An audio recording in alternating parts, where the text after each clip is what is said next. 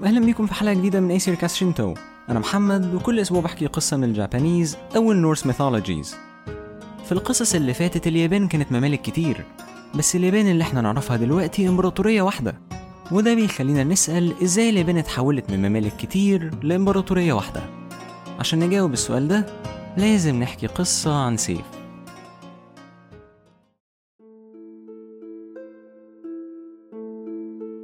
اليابان ما كانتش طول عمرها زي ما إحنا عارفينها. الأرض كانت موجودة بس اليابان كفكرة وكبلد ما كانتش موجودة وكان موجود بدلها ممالك كتير كلهم متفرقين وكلهم مختلفين. بس على الرغم من اختلاف الممالك الناس كان بينها حاجة مشتركة وهي حب الأرض وكل حاجة بتعيش عليها.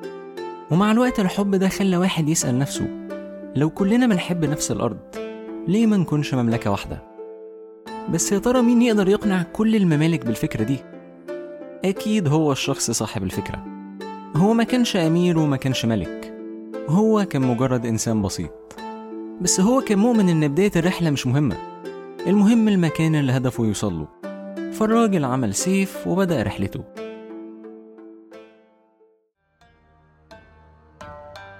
أول مكان الراجل وصل له كان غابة. هو سمع إن في قرية صغيرة جنب الغابة دي. ده هيكون أول مكان يقول للناس فيه على فكرته. بس الراجل ما كانش لوحده. ومن وسط الشجر طلع تعبان ضخم بتمن رؤوس وحاول ياكله. الراجل ما خافش. هو لازم يحقق حلمه.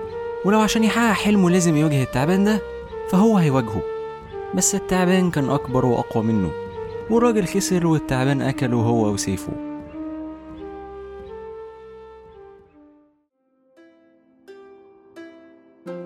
سيف الراجل كان سيف عادي جدا ما فيهوش أي سحر أو أي قوة تقدر تساعده. فالراجل مات جوه بطن التعبان. بس مش معنى إن الراجل ده مات إن حلمه مات معاه. عشان لو الشخص مات وهو عنده رغبة قوية جدا إنه يحقق حاجة روحه عمرها ما هترتاح غير لما تحققها.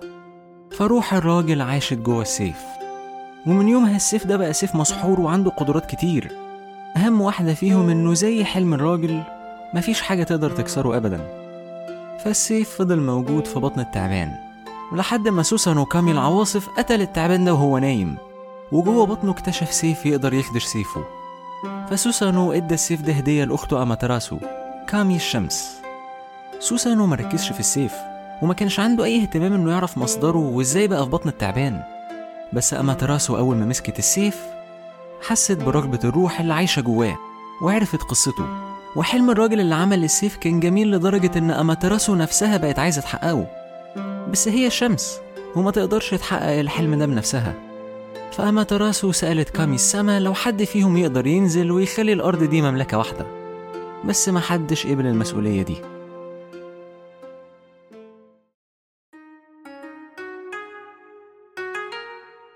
أماتراسو استنت سنين. بعدها سألت نفس السؤال تاني. ساعتها في شخص وافق إنه يساعدها. الشخص ده كان اسمه نينيجي حفيد أماتراسو ساعتها في كامي تاني اتشجع وقال إنه هيساعد نينيجي والكامي ده كان اسمه تاكي ميكازوشي قبل ما نينيجي وتاكي ميكازوشي يبدأوا رحلتهم أماتراسو ندهت على نينيجي وقالت له أنا هديك تلات هدايا هيساعدوك في رحلتك. أول هدية كانت عقد. ما ينفعش تقنع الممالك دي كلها إنها تسمع كلامك من غير ما يشوفوا إنك غني. تاني هدية كانت مراية. المراية دي دايما هتشوف فيها روحك ومهما كان مشوارك صعب كل مرة تبص فيها هتشوف هدفك. وبكده عمرك ما هتيأس أبدا. وآخر وأهم هدية كانت السيف. في الوقت ده اللي كان بيحكم الأرض كان واحد اسمه أوناموجي. بس أوناموجي كان ملك طيب طيب بزيادة. ومش معنى إنه ملك طيب إنه كان ملك كويس. شوية من الممالك كانت بتسمع كلامه. بس الباقي كانوا ممالك مستقلة لأن هم عارفين إن أوناموجي مش هيعمل لهم حاجة.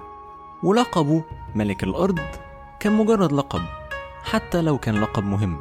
عشان كده لما نينيجي طلب منه اللقب ده أوناموجي وافق وقال له إن عمره ما كان نفسه يكون ملك.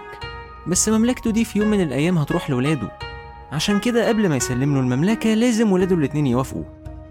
نينيجي وافق وراح يكلم ولاد أوناموجي.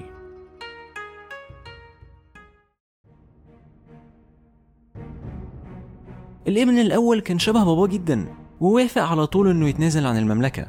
بس الابن التاني اتعصب وقال إن باباه كان ملك ضعيف ونينيجي أكيد ضعيف زي باباه. ولو هو عايز المملكة لازم يصارعه ويغلبه ساعتها تاكي ميكازوشي اتكلم وقال لنينيجي إنه هيتصارع بداله. بعدها قام ضارب المية بسيفه. ساعتها المية اتجمدت وعملت دايرة. وجوه الدايرة دي تاكي ميكازوشي صارع ابن أوناموجي في أول مباراة سومو في التاريخ. ولما تاكي ميكازوشي كسب نينيجي بقى ملك الأرض. بس اللقب ده ما كانش كفاية ونينيجي كان عارف إن مشواره طويل وإنه لسه لازم يحارب الممالك اللي ما كانتش بتسمع كلام أوناموجي. فنينيجي كمل رحلته. رحلة نينيجي وصلته لمملكة كامي اسمه أويا ماتسومي الملك ده كان شايف إن نينيجي ملك قوي وهي مسألة وقت قبل ما يبقى ملك اليابان. وأويا ماتسومي كان مخلف بنتين. البنت الكبيرة كان اسمها إيواناجا والبنت الصغيرة كان اسمها كونوهانا. فأويا ماتسومي عرض على نينيجي إنه يعيش معاه في قصره فترة. دي هتكون فرصة كويسة إنه يعرفوا على البنت الكبيرة إيواناجا بس نينيجي لما عاش مع عيلة أويا ماتسومي اكتشف إن إيواناجا طماعة وعايزة تتجوزه عشان تكون ملكة. بس أختها الصغيرة كونوهانا كانت بتعامله كويس من غير ما تطلب منه أي حاجة. فنينيجي حب الأخت الصغيرة. لما أويا ماتسومي عرض على نينيجي إنه يتجوز الأخت الكبيرة نينيجي رفض وقال له إنه بيحب كونوهانا الأخت الصغيرة وهي كمان بتحبه وهم عايزين يتجوزوا. دي كانت إهانة لأويا ماتسومي فأويا ماتسومي لعن نينيجي. هو كامي آه بس هو هيعجز وهيموت هو وولاده زي البشر. نينيجي ما خافش وما فرقش معاه وفضل إنه يعيش فترة ويموت مع الواحدة اللي بيحبها وبتحبه على انه يعيش للأبد مع واحدة كل هدفها انها تكون ملكة. وفعلا مع الوقت نينيجي مات بس رغبته انه ينجح في هدفه ويوحد الأرض كلها ما ماتتش معاه. وروح نينيجي زيها زي روح الشخص اللي بدأ الحلم ده خلت السيف أقوى. وأخيرا ابن نينيجي قدر يوحد اليابان. ابن نينيجي كان اسمه جيمو أول إمبراطور لليابان. ومن يومها لحد النهاردة لما إمبراطور جديد بيبدأ حكمه لازم الإمبراطور القديم يديله تلات علب. علبة فيها العقد وعلبة فيها المراية وطبعا علبة فيها السيف.